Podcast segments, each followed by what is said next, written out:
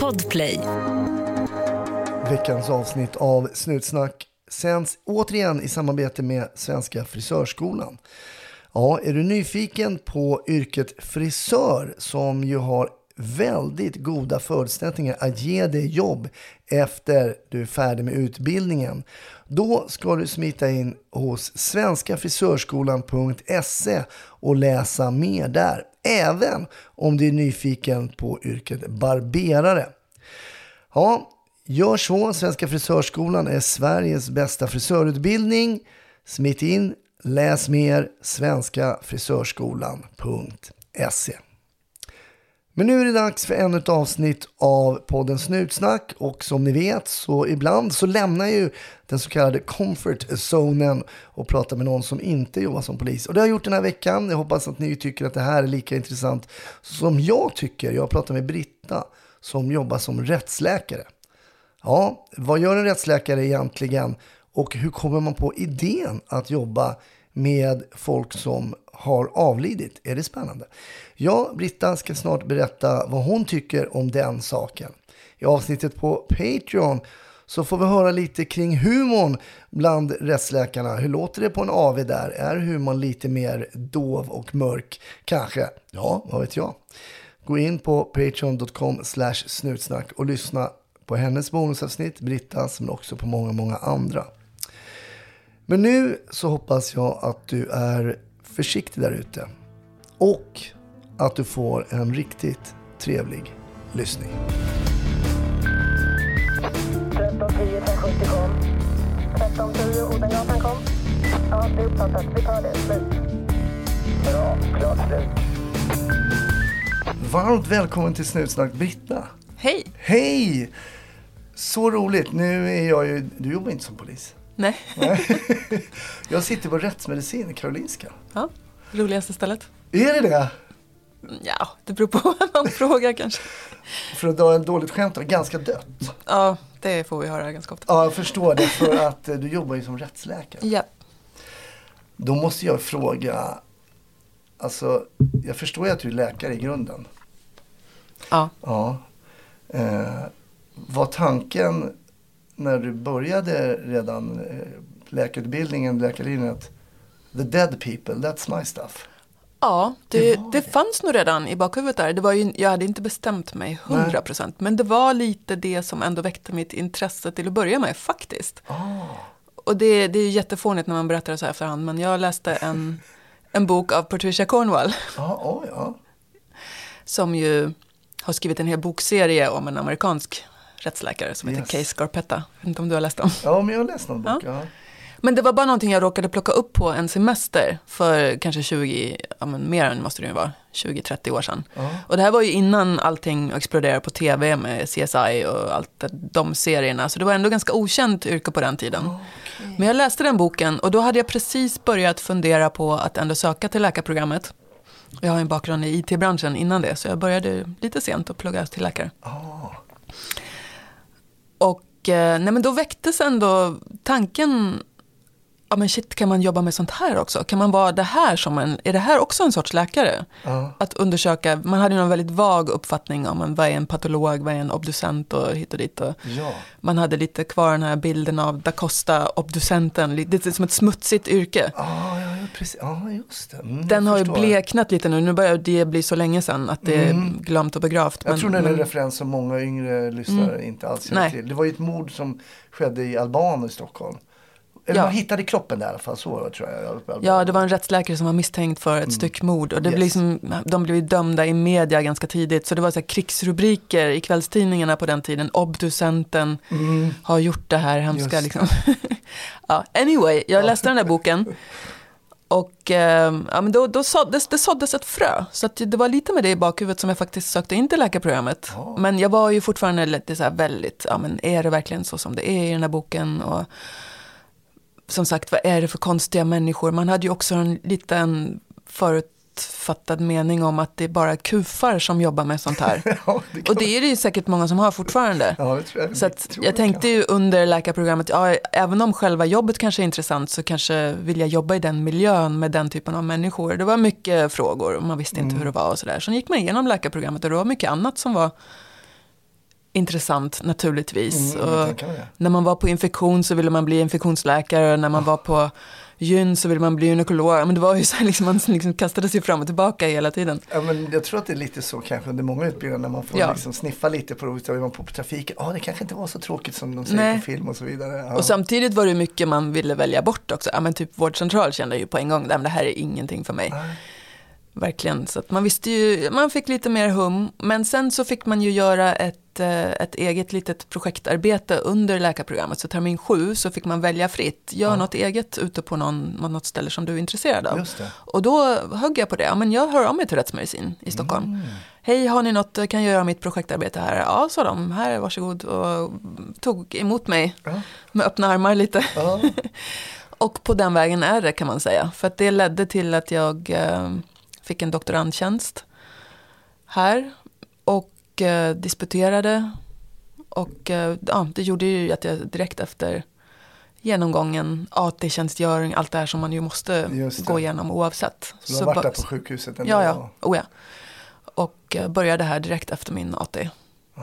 Och har in- inte ångrat det. Det, Nej. det är ju den roligaste specialiteten. Det kan man inte Kul. komma ifrån. I love dedicated people. Jag måste ändå fråga, det, det tyckte jag var rätt intressant. Du jobbade i IT-branschen. Mm.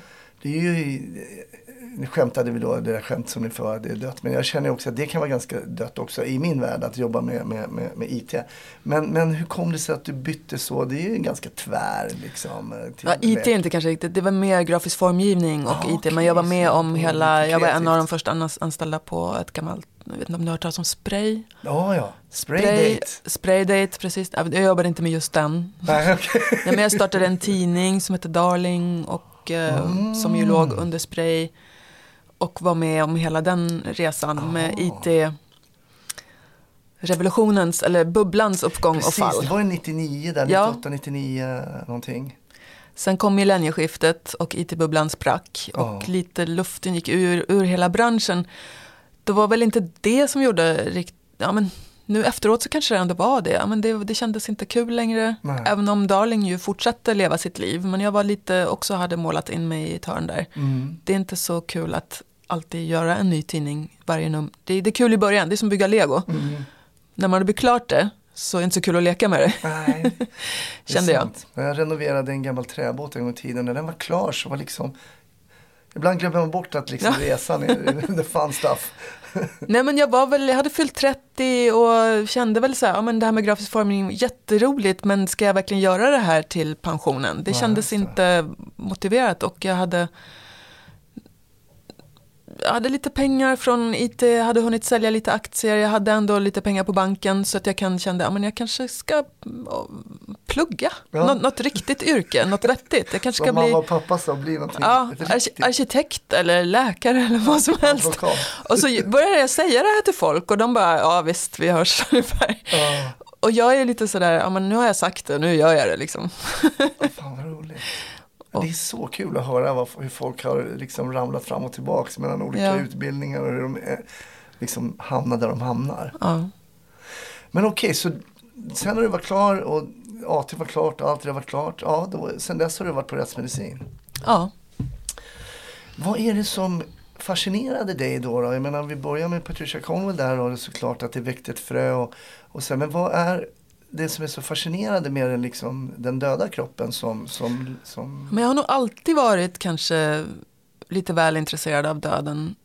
Men mer på ett hobbysätt. Men jag har alltid suttit och läst dödsannonserna i DN och, och bara liksom få, jag vet inte varför, men det, är- det är någon sån fascination med att veta vad händer med en, vad dör man av? ja. Vad händer med en kropp efter döden? Mm. Hur kan man se på en kropp vad den har varit med om? Och eh, nej men jag har svårt att förklara. Jag har alltid varit intresserad av det lite bizarra, det dramatiska, det kufiska. För det finns ju någon mänsklig, tror jag, en, en mänsklig så grundfascination för döden. Därför är ju också Cornwell och Ja. vi ser ju vad som är populärt att läsa och se på tv. Det är alltid lite död inblandat. Ja. Oftast för att det ska få den här riktiga eh, spännande touchen liksom. Mm. Ja.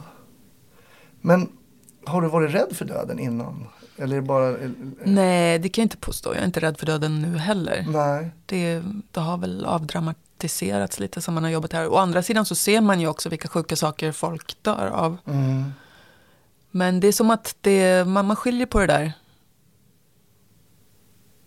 De som man blir berörd av, de dödsfallen, det är väl sådana där man faktiskt känner igen sig. Ja, Men det här, det här hade kunnat vara jag. Det här hade kunnat vara mitt barn.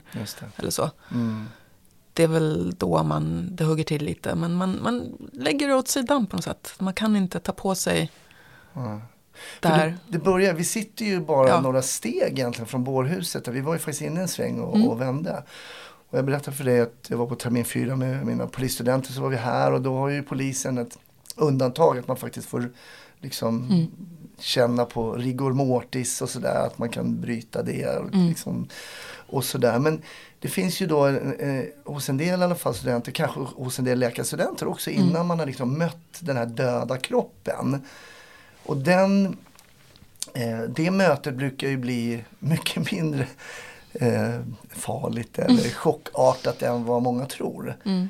Eh, varför vi är just rädda för den här döda kroppen också? Den, just kroppen som är livlös. Ja, men det är väl för att det är så undanskuffat i vårt samhälle idag. Vi ser ju aldrig, de flesta unga poliser som är där, och medelålders poliser för den delen, har ju aldrig sett en död person i hela Nej. mitt liv. Jag hade aldrig sett en död person Nej. förrän jag var på läkarprogrammet och fick se min döda, första döda person där. Ja. Kanske har någon haft en 90-årig mormor som har legat på ålderdomshemmet i sin säng Mm. och såg ut som att hon sov. Mm. Men utöver det så man, vi konfronteras ju inte med döden. Det, det är ju, jag vet inte om det var annorlunda förr när döden var mer en vardag. Folk dog mer hemma. Folk liksom. dog mer hemma och dog tidigare kanske och dog eh, på alla möjliga sätt. Så det är klart att det är en anspänning. Man vet inte hur man kommer att re- att reagera. Och jag brukar, när jag har den typen av poliser eller läkarstudenter eller militärer, de som kommer hit, att själv minnas hur det var för mig första gången att se en död person. För jag var nog också väldigt Ja, hur var det för dig? anspänd. Nej, men jag var jättenervös. Ja.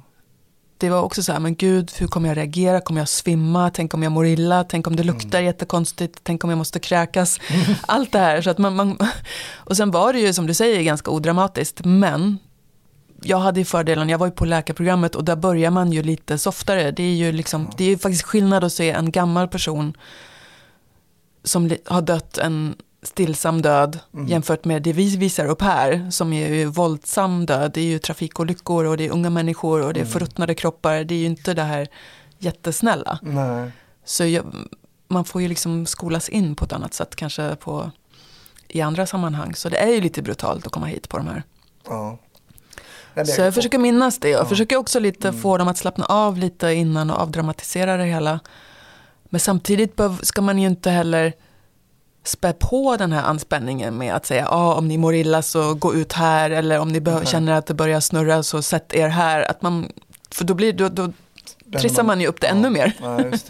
Så det är en svår balans för man ska sköta det där. Men vi brukar ha en assistent, för det händer ju att folk svimmar. Ja. Och det är ett väldigt hårt stengolv där i bårhuset. så vi brukar ha någon assistent som står och spanar. Är det någon som Ja. börjar se i kors eller så, att man fångar upp den. Ja. För jag själv kan inte det. Jag är ju så uppe med att berätta om kroppen, så jag kan inte hålla koll på alla som håller på och svimmar. Nej, jag fattar. Poddtips från Podplay. I podden Något Kaiko garanterar östgötarna Brutti och jag, Davva, dig en stor dos skratt. Där följer jag pladask för köttätandet igen. Man är lite som en jävla vampyr. Man har fått lite blodsmak och då måste man ha mer. Udda spaningar, fängslande anekdoter och en och annan arg rant. Jag måste ha mitt kaffe på morgonen för annars är jag ingen trevlig människa. Då är du ingen trevlig människa, punkt. Något Kaiko, hör du på Podplay. Därför är gardinerna. Sen tycker jag för mig då som också var, kom, fick det här, vi var också uppe på under polisutbildning och så här. Sen kommer man ju till de här polisiära situationerna också som ni har och så, såklart där kroppen, eh, man är på en trafikolycka och sådär, där man förstår eh, man förstår ju verkligen hur det här har gått till. Om man inte har bilbälte och åker väldigt snabbt och, och, och, och krockar mot en stolpe eller en vägg så blir det så här. Men det är så mycket runt omkring där som man ska ta in och så ska man försöka göra ett jobb och det, det, det, det kan bli så stökigt ibland Mm. jag. Det blir väldigt, väldigt svårt. Men, jo, men det är väl också poängen med un- under polisutbildningen att man ska komma hit och, och faktiskt kanske se sin första döda kropp och i olika stadier. Vi brukar ju visa upp, ja, vi brukar ju börja med någon lite snällare variant, någon som inte är så skadad och som man bara kan prata om dödsfenomenen, om lik, som du säger, likstillhet, likfläckar, hur ser det ut, hur, hur känns det och sådär. Och sen så vi- visar vi upp en kropp som har dött en lite mer våldsam död. Och sen så brukar vi visa upp en kropp som har legat en tid, som är förruttnad. För det, är det är ju, kommer ni ju möta. Ni kommer ju vara de som är ute på plats och, och ska ta hand om de här dödsfallen. Och då är det ju bra att ha gjort det första gången i en sån här kontrollerad situation. Ja. Och inte ute i skarpt läge. Ja, och det man inte heller, som jag en gång fick, man fick plocka upp kroppsdel liksom. Mm. Det är man ju också väldigt ovan vid. Och eh, det som jag tycker har, varit, eh, det för mig det mest minnes, det största minnet jag har kring ett dödsfall var en kille som hade hoppat framför tunnelbanan. Och han var död och eh, kroppsdelar hade liksom delats från kroppen. Men det var ju, han var tydligt död liksom. Och vi åkte upp hit och då var ju nyckel hade vi i alla fall på den tiden. Så vi kom in liksom i så förmaket eller vad man ska säga där. Och sen skulle vi då inte identifiera den här ganska unga killen. Och då tog vi av honom och då tog jag av honom klockan. Och det som man, jag har reagerat mycket det är att kylan, en död kropp är så man är så van att, att röra en människa och känna eh, den värmen som en människa har. Och det är alltid väldigt naturligt såklart, för de har gjort det under hela sitt liv. Men när man första gången känner på en död kropp så är den så otroligt kall. Det blir nästan så att det blir som, för mig blev det nästan som en elektrisk stöt liksom. Ehm, men när jag tog av honom klockan så var den lite varm. På baksidan. Lite, lite varm. Och då tänkte jag, det här var den sista värmen från den här människan som någonsin kommer produceras. Jag tyckte det var lite läskigt. men det är ett sånt minne som inte är speciellt dramatiskt. Men för mig var det liksom lite sådär... Uh... Sen har jag sett mycket värre saker och så, men just det minnet kring en död kropp tycker jag var så speciellt. Ja, men så är det. Vissa saker fastnar. Det bara gör det. Och det kanske beror på var man befinner sig, liksom vilken plats och i livet. och Allt. Jag vet inte vad jag har just då. Men, men, men, men så är det. Men om vi, vi tittar, ni har, ehm, du tillsammans med några andra har också ett Instagramkonto. Som heter Liket efter döden. Liket efter döden. Som är jätteintressant. Och ni som inte följer det ska jag rekommendera att följa. Där vi också får reda på lite om de här olika processerna när, eh, när kroppen eh, stannar av så att säga och vad som händer. Jag var på ett dödsfall på Rörstrandsgatan en gång för många, många år sedan. Början 91 kanske. Och då var det en man som låg i sin säng som hade dött. Och så kom politi och skulle hämta honom. Han hade fått sådana stora blåsor. Och då sa de här politikillarna till mig, kan du hämta en kniv i köket? Okej, så jag, ja. Nej, vi måste poppa blåsorna liksom. För att om vi lyfter ner honom så, de, det är liksom, blåsan är lite hård. Så då kommer den här likvätskan liksom. Och, så vi poppar dem först och sen lyfter ner honom. Så jag och där satt släkt, två stycken släktingar så jag fick smyga in och liksom försöka diskret. På den tiden hade man så kniv mellan spis och köksbänk liksom. Som ett knivställ så ta en handduk. Och, handduk vill han ha också. Sen poppade de dem där tyckte jag. Och sen la de ner honom i den här säcken då. Men vad är det första, om vi, om vi börjar med liksom när man dör. Vad är det första som, vad händer efter döden om man ramlar ner här? Knall och fall. Vad är som, vad gör naturen och människokroppen med oss? Ja, alltså förruttnelseprocessen börjar ju på en gång. Den gör det. Ja, det, det första som händer är ju att um, alltså vävnaderna får ju inte längre näring och syre Nej. eftersom kroppen inte andas och hjärtat inte slår. Det är väl det som hela metabolismen liksom går ut på. Mm.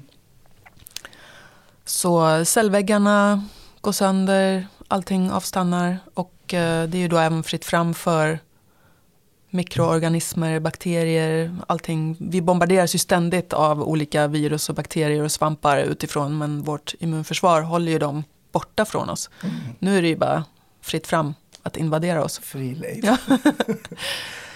Men det kanske visar sig lite senare. Det första som händer är ju att eh, i och med att blodet inte längre pumpas runt i kroppen så sjunker ju det ner till de lägstliggande delarna och det är det vi kallar för likfläckar.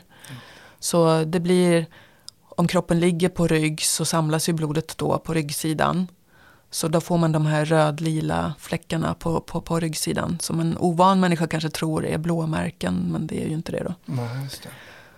Så det händer ju ganska tidigt. Redan efter några timmar så kan man se de här, eh, redan efter ja, två, en, två timmar.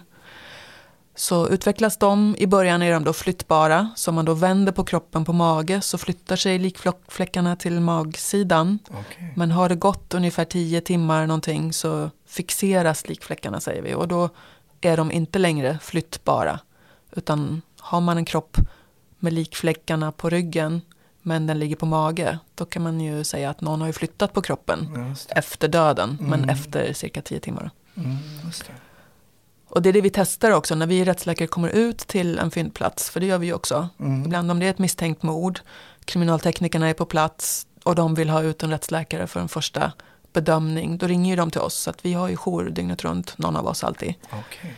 Så att vi kommer ut och eh, då testar vi sådana här, det, det de först vill ha, det vi framförallt gör på en sån fyndplats, det är ju dels en, en dödstidpunktuppskattning, när dog den här? För det måste man göra på plats, det kan man inte göra sen på obduktion. Ah, okej. Mm. För då har det gått för lång tid och kroppen har legat i kylrum kanske ett tag. Så vill man veta exakt när den här personen dog, vilket vi ju ändå aldrig kommer kunna säga, men ungefär. Vill man veta det så bra som möjligt så måste vi komma ut till platsen. Men det är en bra indikation på tidig, om man hittar Ja. något till exempel. Ja. Jo, men då testar vi, då trycker vi på likfläckarna till exempel. Och då ser man om det blir vitt då i det här likfläckssystemet. Då är de inte fixerade. Då har det gått mindre än tio timmar till exempel. Lite så. Och så känner vi på likstillheten. För det är ju också någonting som händer. I och med att muskelcellerna inte längre heller får någon näring. Och likstillhet är en ganska komplicerad process som är svår att förklara om man inte liksom har läst biokemi och så. Men det som händer är att musklerna stelnar. De, de kontraheras inte, alltså kroppen ändrar inte på sig. Men den, den, musklerna stelnar i det läget som kroppen befinner sig i när den är död. Och det börjar också ganska tidigt, så att likstillheten börjar i de små lederna, i käkleden, i fingrarna. Och sen så sprider den sig till de större muskelgrupperna, så säg efter 10 timmar, 12 timmar så, så, så, så är ju kroppen stel. Och sen så sitter den här stelheten i i två, tre dagar och sen släpper den igen. Mm, så det kan man också. också. Mm. Ja. Så det, det känner vi också på. Hur, hur utvecklad är likstillheten? Går den att bryta? För att om man bryter likstillheten kommer den tillbaka så säger det också någonting. Ja men vi pysslar lite med sådana här. men det vi främst använder oss av för dödstidpunkt det är ju då kroppstemperaturen. För det är också någonting som händer efter döden. För då har vi de, tra- de klassiska tre lik ehm, fenomenen som ju på latin heter rigor mortis, likstillhet, livor mortis som är likfläckarna och algor mortis som är likkylan. Så eh, en vanlig kropp, en levande kropp har 37 grader och sen så när kroppen har stängt ner så då svalnar ju kroppen. Den, vi kan inte upprätthålla kroppstemperaturen längre. Ja. Och då till slut så blir den ju lika, lika kall som omgivningen. Så att om den ligger i rumstemperatur så kommer kroppstemperatur så småningom att gå ner till 20 grader. Men det tar ju kanske något dygn. så det gör vi också när vi kommer ut på plats. Vi mäter kroppstemperaturen Kanske en dum fråga, men hur mäter ni den? i ändtarmen. Ja, jag tänkte att det kanske man måste ändå Och liksom... inte med en febertermometer. För den, har ju, den går ju inte ner till 20 grader. Nej, just det. Utan det är en specialtermometer Ja, jag förstår. som vi har. Ja. Så det mäter vi. Så att, och då kan vi utifrån det, det är egentligen den bästa och främsta metoden vi idag använder för dödstidpunkt. ja, just det. För då finns det, det är ju inte bara, man kan säga som en tumregel att kroppstemperaturen sjunker med ungefär en grad i timmen. Men det är ju väldigt så här mellan tummen och pekfinger. Ska man göra det ordentligt så måste man ju då även räkna med kroppsvikten. För det beror på, är det en stor person eller en liten person? Vad har den här kroppen för kläder på sig? Vad är det för runt omkring temperatur? Är det vindstilla eller är det blåsigt? Är kroppen blöt eller kall? Har den haft feber? Vad ligger den på för underlag? Ligger den på ett stengolv eller nerbäddad i en säng? Så det är jättemånga faktorer man räknar in. Och eh, så räknar vi fram en ungefär, ett, ett fönster mer som när den här personen dog mellan den och den tiden. Intressant. Jag var på ett annat dödsfall. Det får man se upp så dödsfallsminnen. Men, men det blir så. Eh, då var det ju en herre, en äldre herre som hade legat väldigt länge i sin lägenhet. Det var en sommar. Eh, och han hade liksom, han hade fastnat i parketten faktiskt. Eh, och eh, det krävdes ganska mycket handkraft liksom för att få honom och alla de här, du pratar om mikroorganismer men också, då var det ju också Ja, man, man, kan, man kallar det för likmask. Men det är Fluglarver. Fluglarver, ja. just det. Men, och då undrade man ju, då var ju vi bara amatörer. Vi bara, har legat i flera veckor eller vi hade ju ingen koll. Men hur länge har man legat när liksom vätskan tränger ner i till exempel, i det här fallet var det en träparkett och så, för den släpper väl till slut då liksom eh, och går ner och de här larverna kommer och sådär. Hur, hur, hur länge kan man ha legat då? Det är jättesvårt att Jag säga utifrån den här beskrivningen bara. Men, och det beror jättemycket på vad det är för årstid, vad det är för mm, ja, men temperatur, luftfuktighet Fuktighet, och ja. omständigheter. Mm. Så det, det är det som är med dödstidpunkt, att i det tidiga skedet, då är vi inte jättebra, men vi är ganska bra. Vi är aldrig så bra som det är på tv, att man kan säga ett klockslag. Liksom. Alltså, det är aldrig TV. Nej. Nej, men det är ju inte en exakt vetenskap på det sättet. Men sen när, när man kommer in till de där stadierna, när kroppen, man kan inte längre mäta någon temperatur och man kan inte längre känna någon likstillhet och hela dem. När det bara är förruttnelse, Mm. då blir det ju väldigt grova uppskattningar. Vad man kan göra är kanske man kan skicka in sådana här fluglarver till rättsentomologen i Uppsala. Wow. Och så kan han åldersbestämma dem och artbestämma dem och utifrån SMHI-data räkna fram, ja men den här fluglarven är så gammal, alltså har vi en minimitid till exempel. Wow. Men i de fallen så är det, är det inte ett misstag, vi gör ju inte en dödsstickpunkt bedömning i alla fall som vi får in. Utan det här är ju bara om det är ett skarpt, ett misstänkt mord, då lägger vi lite möda på det. Och, men det som främst gäller i de, de, de allra flesta fall, det är ju polisarbete, utredning. Mm. När sågs den här personen sist? När var sista kontakten i sociala medier? När använde man bankkortet sist? Vad, vad är det för datum på mjölken i kylen? Mm. Vilken är den senaste upplockade dagstidningen? Från, ja, men lite så försöker man avgränsa det. Och mer än så kan man egentligen inte göra i ett sånt läge. Nej. Men när man kommer till, till avlidna människor så finns det ju ett stort samtalsämne som i alla fall var, jag kommer ihåg när jag var som polis på ordningen. när Man var, och det är ju den så kallade odören eh, som ju uppstår. Det är ju en lukt som är väldigt, väldigt speciell och som man tycker sig känna fast man inte har duschat efteråt och liksom bytt uniformskläder så tycker man, sitter man i den här radiobilen och säger men fasen luktar ju lik fortfarande. Hur, eh, den, här, den här doften är ju väldigt speciell och nu när man är ky- nedkyld och sådär så är det inte samma sak. Men du kom ju ut på de här, hur hanterade du den här själv? När, Ja, nej men vi har ju den lukten varje dag på obduktion så vi är ju så vana. Det är klart att vi tycker inte heller att det luktar jättegott men det, det är så här, man vänjer sig. Nej men det, jag tänker inte på det längre. Att det och jag tror att men luktsinnet funkar ju så också att man vänjer sig väldigt fort tycker jag. ja, ja. På samma sätt som man inte känner sin parfym som man tar på på morgonen. Den känner man ju inte själv under dagen, men andra känner den. Utan luktsinnet är ju så att hjärnan kopplar ner det efter ett tag. Om, om man ständigt utsätts för samma lukt så registrerar man den inte längre. Utan det är bara de här första andetagen på morgonen man kommer in på obduktion som man registrerar. Okej, nu luktar det så här. Och det är inte bara en lukt. För mig är det väldigt många olika lukter beroende på om det är ett sjölik, ett brandlik, vilken stadie av förruttnelse, är det mumifiering, är det likvax, är det färskt, gammalt? Alltså det, för mig är det en, hel, en ganska stor palett. Som man ju också kan... Och sen är det ju också de vanliga dofterna när man öppnar kroppen. Alltså tittar man på njurarna så ja, då luktar det kiss och klipper man tarmen så luktar det bajs och det luktar blod och det luktar kött. Så att även färsk kropp luktar ju liksom... Men så är det ju på operation också. Det är aldrig någon som frågar en kirurg, hur står du ut med lukten? Liksom. Nej, nej, samma när det där. liksom på någon Ja. köttbit. Ja, precis. Men om vi går lite, så här, om vi går lite mer mot det liksom polisiära och sådär. De, det här är ju liksom, förstår jag, det är ju väldigt grundligt och sådär. Men, men, men vid misstänkta mord så får ju ni titta på till exempel då, hur har den här, eh, ja, fått ett slag i huvudet. Men Mm. ni ska ju titta på också vad kan det vara för typ av eh, föremål och var det verkligen det här såret man såg här vid tinningen som orsakade döden och sådär. Hur, hur går ni tillväga där? För jag menar ibland kan ju någonting som ser uppenbart ut inte vara dödsorsaken. Ja, precis. Och du säger ju misstänkta mord, men det viktigaste är ju att eh, vi är vaksamma i de fall där det inte är misstänkt mord. Att eh, det är ju det som är egentligen vår, vår, vår grunduppgift. Alltså hela vår existens går ju nästan ut på det. Varför obducerar vi alla onaturliga dödsfall? Alltså inte bara mord, utan alla olycksfall, självmord, alla oväntade dödsfall. Ja, det är ju för att det inte ska missas att det faktiskt är ett brott. Den här människan som hittades hängd i en snara, ja men det är väl självmord, måste vi verkligen obducera den?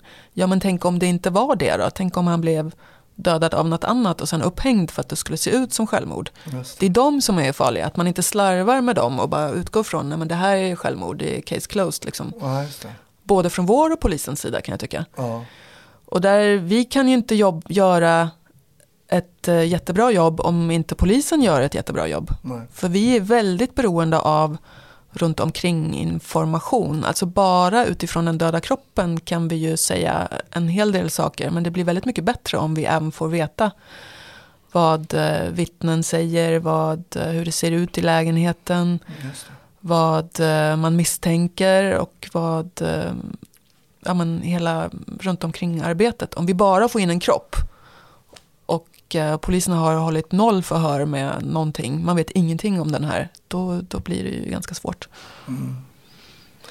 Ja, precis som egentligen med allt detektivarbete. När man ska pussla så kan en liten bit som för någon då verkar kanske tämligen ointressant kan vara väldigt, väldigt viktig. Att liksom dokumentera mycket runt omkring. Och det är väl lite så man får lära sig på polisutbildningen. Att försöka dokumentera så mycket. Var det en pall eller vad var det nu och hur hängde han? Och kunna verkligen ha sparkat pallen så långt eller vad vet jag. Ja, och var han ens deprimerad? Finns det en dokumenterad Nej, depression? Ja, För där behöver ju vi veta också. Det är klart att ja, om maken säger att nej, men hon var deprimerad, är det en sanning då helt plötsligt? Det är kanske han som har hängt upp henne. Ja. Så där vill vi gärna ha kanske sjukjournaler och mediciner och vad, vad säger andra än bara ett vittne? ja, just det. Vad säger släkt och vänner till exempel? Ja, precis. Sen är det ju som alltid en balansgång. Man kan inte behandla varenda dödsfall som ett misstänkt mord och göra värsta stora utredningen kring det. det. Då skulle vi ju inte göra annat än att jobba ihjäl oss. Poddtips från Podplay. I fallen jag aldrig glömmer djupdyker Hasse Aro i arbetet bakom några av Sveriges mest uppseendeväckande brottsutredningar. Går vi in med hemlig telefonavlyssning och, och då upplever vi att vi får en total förändring av hans beteende. Vad är det som händer nu? Vem är det som läcker? Och så säger han att jag är kriminell, jag har varit kriminell i hela mitt liv men att mörda ett barn, där går min gräns. Nya säsongen av Fallen jag aldrig glömmer på Podplay. Ja, man läser Cornwell eller man läser, man kan läsa om gamla Agatha Christie och sådär. Så är det så här, nej men den här personen har blivit förgiftad. Hur, kan, hur kan man liksom se att en kropp är förgiftad av ett ämne? Till exempel? Kan man se det redan på ett organ eller måste man eh, testa med eh, vätskor och sånt där? Ja, men förgiftningar är extra svåra. Jag kan tänka mig det. Ja. Det, det säger sig självt, det är inte så uppenbart som om någon kommer in med ett skotthål i pannan. Utan förgiftningar är luriga. Men vad vi gör är, alltså varje dödsfall som kommer in så tar ju vi blod, urin och andra vävnadsprover och skickar till rättskemin i Linköping för analys. Som en slags screening. Det gör vi på alla fall, inte bara på där vi misstänker något förfuns. Utan, och där har vi ett ganska stort antal ämnen som vi letar efter. Framförallt olika läkemedel och narkotika och olika sorters alkoholer. Ja, okej. Det är som en screening. För det, det är ju väldigt ofta det är, det är vanligt med förgiftningar. Men med läkemedelsförgiftningar, de vi då kallar för överdoser. Just det. Men när det gäller andra sorters gifter, om det är du nu pratar om så Agatha, Agatha Christie-förgiftningar med eh, Arsenik. jag, arsenik och stryknin och sånt där. De är ju knepigare. Ja. För att eh, många gifter lämnar ju inga spår på kroppen. Det syns ju inte på den döda kroppen. Vissa gifter ja, då, då, då kanske man kan få en annan färg på likfläckarna eller det, det, det är något som luktar konstigt i magsäcken eller man får väldigt små eller väldigt stora pupiller, någonting sånt där. Men de är ganska få. Så de, de allra flesta gifter går helt förbi liksom, Mm. vid en obduktion. Så då gäller det ju att veta att det här kanske är en förgiftning. Om vi, och där igen, polisarbetet är jätteviktigt där. För att ehm, det finns en sorts föreställning om att ja, men vi skickar kroppen till rättsmedicin och sen får vi, vet, får vi veta vad den dog av. Och har det varit ett gift så får vi veta det. Men just med gifter är det ju så knepigt att det finns så många gifter. Vi kan inte skrina för alla gifter som finns, alla, alla ämnen som finns. För det- så mycket blod finns inte i kroppen. Nej. Ja. Och eh, sen är det också så att vissa gifter kan vi inte upptäcka för det finns ingen analysmetod. Vissa gifter kan vi inte upptäcka för att eh, de bryts ner i kroppen. Så att när vi tar provet så är giftet borta. Mhm. Vissa gifter går inte att analysera därför att det går inte att säga mm, att, men det, att ett hormon till exempel, det, det är ju ett naturligt förekommande ämne i kroppen. Mm. Men får vi veta av polisen, här misstänker vi att det är något fuffens, det kanske är en förgiftning. Mm. Då måste vi ändå få veta, ja, men vilket gift hade du tänkt? Ja, och då måste man liksom, Kan man pinpointa lite mer? ja, får vi veta, men leta efter det här. Då kan vi specifikt säga till rättskemin, ja men kan ni kolla, kolla om det här finns? Och då kan du säga ja eller nej. Ja. Men att bara leta helt förbehållslöst efter alla gifter som finns, det är som att leta efter en nål i en höstack. Det går inte. Så vad kan man göra som polis? Ja, då måste man ju tyvärr göra husrannsakan och Mm. gå in i datorer. Vad har man googlat på? Vad finns det i soporna? Mm. Vad jobbar misstänkt med? Har den tillgång? Är den kanske en sjuksköterska som har tillgång till läkemedel? Mm. Är det en kemist som har tillgång till är, är det en guldsmed som har tillgång till cyanid? Den typen. Jag tänker till exempel på ett ganska vanligt förekommande Stockholm City eh, narkot narkotiskt preparat. Det är ju till exempel heroin som är en Mm. opiat. Eh, försvinner den också? Nej, det hittar vi. Det hittar alltså, vi. narkotika har vi inga ja, problem med. inga problem Nej. Nej. Läkemedel och narkotika, det är inga problem att hitta. Okej. Där är ju sen svårigheten, om man nu hittar höga halter av ett sånt läkemedel, då är ju svårigheten att kunna säga, intog man det i suicidsyfte? Är det en självförvållad överdos? Eller har man blivit förgiftad av någon annan? Det. Och det är ju det svåra också, att sen binda en gärningsperson till att nej, men den här har blandat det här i den här personens morgonsmoothie. Liksom. Wow. Ja, Det är ju jättesvårt att bevisa. Så giftmord, jag har en student som, har, som håller på med en hel studie om giftmord. Så det, Ah, det är supersvårt. En annan fråga då. Eh, vi ponerar, du berättade att det finns olika, det ju olika eh, döda människokroppar här bara en liten bit ifrån oss. Eh, du nämnde sjölik, där kan man ju då ana att eh, personen har dött på grund av drunkning till exempel. Mm. Men om någon dränks till exempel i ett badkar säger vi. Mm. När personen inte kan andas under ytan längre och är död så tar man upp kroppen, lägger den vid sidan badrummet och sen så misstänker man någonting här. Eh, Hur kan man se att en kropp eh, har, att man har dött av drunkning? Ja, nu ställer du väldigt specifika så här rättsmedicinska frågor. Ja, men nu blir det föreläsning. Ja, precis. Ja, men klassiska drunkningstecken är uppblåsta lungor. Ja. Alltså det blir av att man andas mot ett motstånd som ju är vatten. Så, så spricker liksom lungblåsorna. Och de blåses upp. Så att det, det är inte så att lungorna är fulla med vatten som kanske många tror. Utan det är snarare att de är över uppblåsta. Så de överlappar. Liksom, redan när man öppnar kroppen så ser man att lungorna överlappar framför hjärtat. Vilket de i vanliga fall inte gör. Ah, okej. Sen kanske man hittar vatten i magsäcken, väldigt mycket vatten. Som man då, för det är också en aktiv process att man sväljer vatten när man inte längre kan andas. Man kan titta i bihålorna om det finns vatten i dem, för då har det pressats kanske in vatten i bihålorna. Nej men lite olika så här, drunkningstecken. Mm. Jag ska ställa en helt annan fråga för du snuddade lite på det i början och sådär. Det är ju så när man jobbar med människor oavsett vad man gör. Även om säkerligen man jobbar med, med, med avlidna människor. Det finns ju, man blir ju emotionellt liksom, eh, man ska säga, men i alla fall jag blev det tidvis eh, när det kan vara situationer som man inte är riktigt förberedd för, att man blir liksom påverkad eh, lite emotionellt och så här. Kan det vara så även i ditt yrke? Du nämnde barn till exempel och det har vi hört många gäster i den här podden poliser som kommer ut på olyckor med barn, man har barn i samma ålder.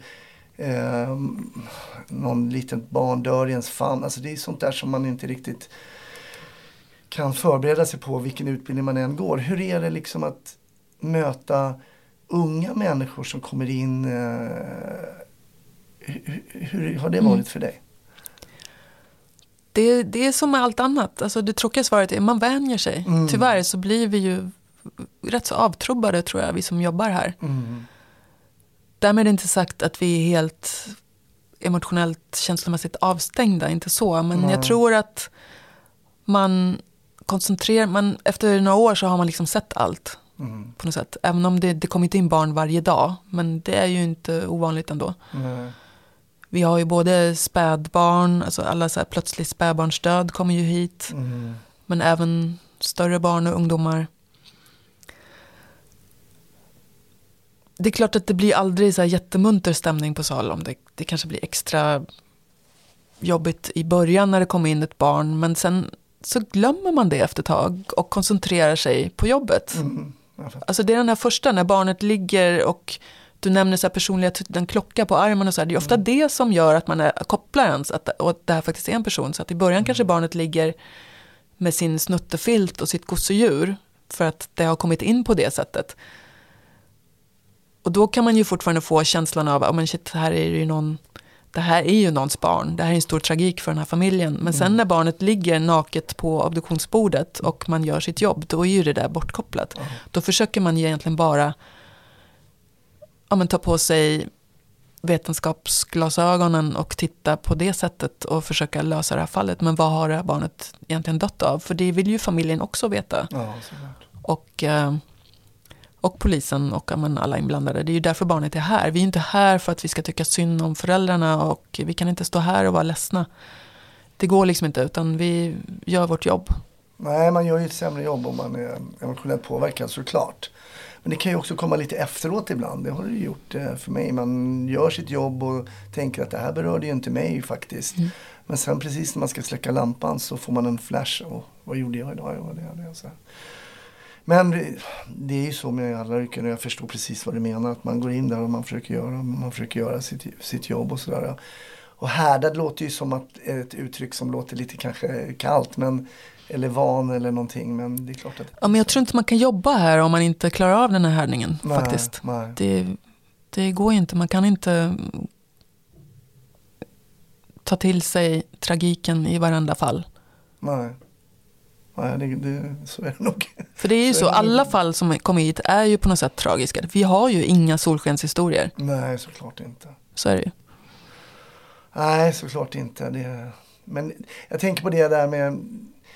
Det är just det här med att ungdom och död är ju inte, det är inte naturligt. Alltså, det ska ju i alla fall få, få leva på och, och det är klart Ja. att då har man, det finns en sorg bara i den eh, saken att han eller hon liksom inte fick eh, göra det och det och det. Mm. Och så här. Ibland kan, kan man tänka mig så. Ja, det här, blir, ju- det här blir ju lite kort såklart. Vi kan inte gå igenom precis allt du gör här. Och man har ju jätte, men vi ska prata vidare lite sen i Patreon-avsnitt också. Men Får jag bara säga jättekort att vi jobbar ju inte bara med döda människor här. Det vill jag ändå påminna polismänniskor ja, berätta. om. vi har, ganska stor av vår verksamhet är ju att, att eh, dokumentera skador på brottsoffer och gärningspersoner Mm, i våldsamma exakt, ja. misshandels och mordförsöksfall. Ja, Så hit kommer ju poliser med, om det har tagits beslut om att här behöver vi ett rättsintyg för Ja. att ha bättre på fötterna om det här fallet ska gå till domstol. Vad hade den här personen för skador? Hur uppkom de här skadorna? Så Kan inte det vara lite skönt att få in en liten en levande patient lite då och då? nej, för att det är inte vår patient. Och det är roligt att du säger patient just, Ja, för det är, ja. vi har ingen patient-läkarrelation. För vi behandlar ju inte skadorna. Nej, vi sant, bara okej. dokumenterar. Så är det något som behöver sys eller Vad kallar ni tas hand om. Vad Kallar, om ni inte säger patient, vad heter det då? Nej men det är Case. misstänkt gärningsperson eller det är målsägande. Det är, Ja. Eller det är den undersökte. Eller, Ja. Och sen skriver ni ett utlåtande? Den skriver ett utlåtande på det. Så antingen kan det ju vara att eh, polisen kommer in med de här personerna in the flesh så att säga. Och så, och så undersöker vi dem. Det kallas för rättsmedicinsk kroppsundersökning då. Eller kroppsbesiktning om det är misstänkt gärningsperson. Men vi kan ju också skriva på sjukhushandlingar. Om det till exempel kommer i senare skede. Ja, men den här personen har blivit misshandlad, var på akutmottagningen och sen har det gått några månader. Då är ju inte de skadorna kvar kanske. Nej. Det är ingen idé att den personen kommer hit. Utan då kan, vi, då kan polisen begära ut de journalhandlingarna från akutmottagningen. Och då gäller ju att de är hyfsat bra. Att den akutläkaren har beskrivit skadorna på ett vettigt sätt. Och kanske även tagit några bilder. Och då kan vi skriva ett rättsintyg på de handlingarna. Hur är det vid misstänkt våldtäkt? Är det också ni? Nej, det är faktiskt, eh, i Stockholm i alla fall så är det ju akutmottagning för våldtagna på Södra sjukhuset. Ja. Där är gynekologer. Däremot är det kvinnor, flickor som inte har puberterat. De kan inte undersökas där. De tar ju inte barn. Utan de undersöks av eh, rättsläkare och barnläkare i en perfekt värld tillsammans. Det. I praktiken så går ju de till barnahusen Mm. och så sköter man det den vägen där. Intressant. Men misstänkt gärningsperson kan vi ju undersöka för våldtäkt Ja. till exempel. Mm. Jag brukar alltid eh, fråga mina mm, gäster som jobbar som polis om de bara kollar på polisfilmer och vad de tycker om polisfilmer. Du har ju redan nämnt att det tändes en gnista och såddes ett frö på ett balkong. men, eh, men hur blev det sen då när det här började liksom verkligen blomma? Och det blev ju CSI och det var Ja. Miami och New York och överallt.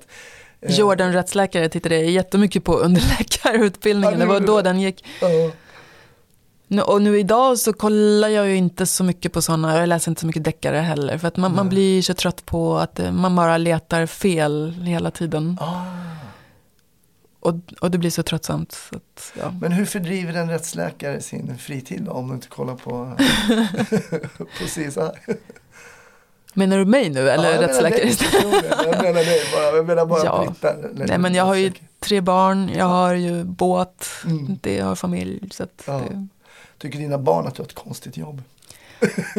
Ja, den, de en, den ena tror jag, hon har nu på sistone, hon är 20 nu, så Ja. man, under hela sin barn och tonårstid så har hon väl kanske tyckt att det var lite skämmigt och konstigt och inte velat prata om det så mycket. Men nu har hon börjat inse, jaha mamma jobbar du med så här, hon, nu har hon själv börjat lyssna på så true crime Ja, och sånt där. ja. Jobbar du med så här mord och grejer? Ja, det har liksom inte riktigt gått upp för henne förrän nu. Nej, jag fattar, jag fattar. Spännande. Mm. Tack så jättemycket Britta för att vi har fått i alla fall en inblick i det här. Och för er som inte följer eh, då Instagramkontot Liket efter döden så gör det. För det Mm. kommer mycket info där och där får man lite mer. Och jag tänkte i Patreon-avsnittet ska jag fråga dig en grej som rör som ni har tagit upp där i, i på det kontot. Så tack Ja. så länge. Det är inte bara jag som har kontot. Nej det förstår jag. Det är några en stycken, ja. kriminaltekniker Ah, och en rättsantropolog och en... Ja, nej, just det, det är vi tre. mm. Men det är jättebra konto i alla fall. Tack.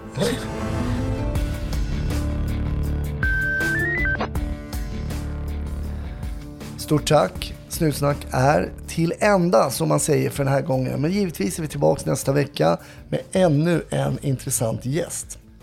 Glöm inte bort alla bonusavsnitt. Patreon.com snutsnack. Där hittar du dem. Ha det bra. Vi hörs nästa vecka. Hej då.